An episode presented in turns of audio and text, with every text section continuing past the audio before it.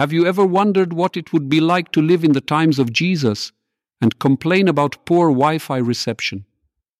Although at first glance this seems absurd, these two things have more in common than one might think. Both the lack of a stable network connection and issues related to social inequalities influence our daily lives in many ways. In the times when Jesus strolled through the marketplace in Jerusalem, society was no less divided than it is today. We're talking about an era where one's social status could be discerned by the clothes they wore or the place they lived.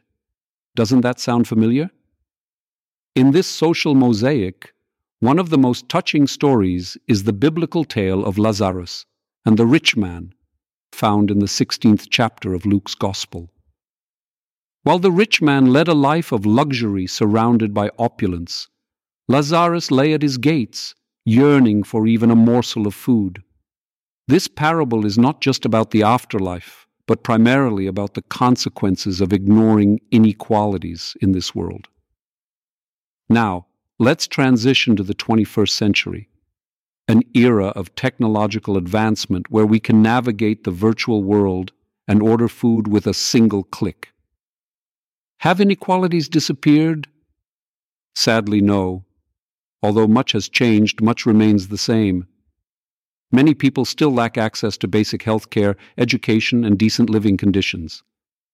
The scale of modern inequalities is best illustrated by the fact that in many countries, a small percentage of people control most of the national wealth.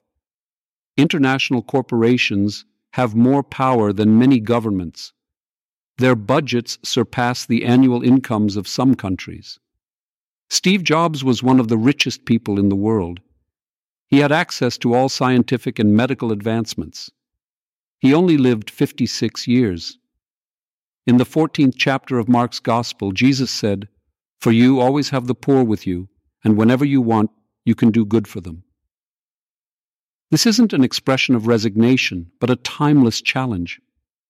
Jesus' words call us to vigilance, to recognize inequalities in our surroundings, and to act for change.